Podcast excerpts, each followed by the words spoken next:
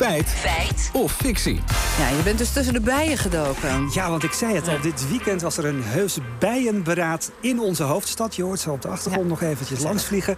Er is namelijk paniek onder imkers nu de gemeente het voornemen heeft om paal en perk te stellen aan de verspreiding van de honingbij in de stad. Want die honingbij zou namelijk de solitaire wilde bij bedreigen. Dat klinkt niet zo aardig. Uh, Dat uh, ben je gaan checken. Ja, en of dat dan ook erg is dat de ene soort de andere bedreigt. We begonnen uh, ons feitelijke zoektocht bij Jaap Molenaar van de Bijenstichting. En hij legt ons eerst uit waarom beide bijensoorten belangrijk zijn. Wilde bijen zijn natuurlijk de oorspronkelijk inheemse bijen in, uh, in, in Nederland. Dus die zijn ook heel erg soms gespecialiseerd om de juiste bloemen te bezoeken.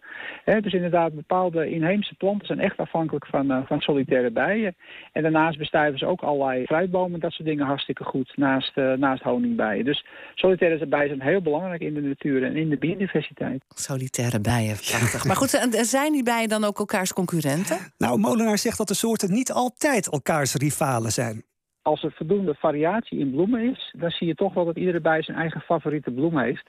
En dan hoeven ze niet altijd concurrenten van elkaar te zijn. Maar daar waar heel veel uh, bijen zijn of te weinig bloemen, beide is, is vaak een combinatie met elkaar. Ja, dan, dan ontstaat er concurrentie tussen honingbijen en solitaire bijen. Ja, volgens Molenaar hoeven bijensoorten dus niet elkaars concurrenten te zijn. En het komt dan doordat ze andere dinervoorkeuren hebben.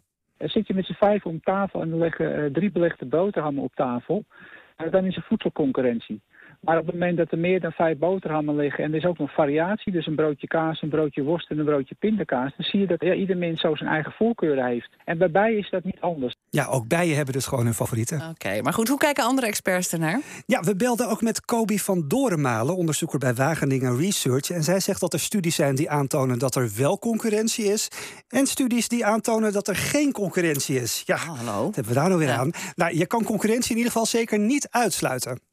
Zeer lokaal zou je zeker wel kunnen zeggen dat er kansen zijn dat er concurrentie optreedt. Als er bijvoorbeeld een heel droge periode is... of als er heel veel bijen, honingbijen en wilde bijen in één gebied zitten... waarvoor samen te weinig uh, voedsel is. Dus dan, uh, dan zullen ze moeten concurreren om, uh, om voedsel. En ook zij zegt dat de honingbij en de solitaire bij... echt andere voedselvoorkeuren hebben. Dus dat ze best in harmonie samen kunnen leven.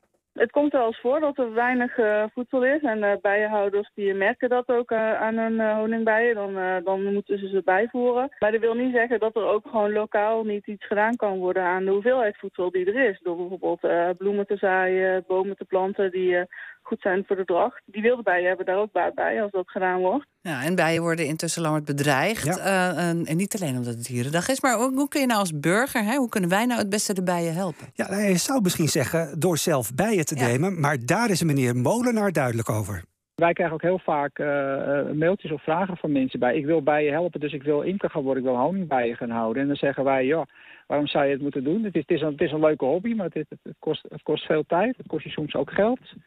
Uh, terwijl je alle bijen, dus niet met de honingbijen, maar juist ook al die solitaire bijen... en ook de hommels die tot de wilde bijen behoren... kun je helpen door gewoon uh, ja, de, de, voedselsituatie te verbeteren in Nederland. Door, uh, door de juiste bloemen aan te planten, in te zaaien... En de gemeente ook te overtuigen van ja, bijvriendelijk beheer. Bijvriendelijk beheer, zo is het. Goed, de discussie in Amsterdam die is, is dat de honingbij de solitaire wilde bij bedreigd. Is dat nou feit of fictie? Nou, als er in de stad echt een tekort is aan voedsel... dan zouden de twee soorten elkaar in theorie kunnen gaan concurreren. Maar ja, Kobi van Dorenmalen zegt dat er wetenschappelijk heel erg weinig bewijs is. Dus we moeten toch echt spreken van fictie.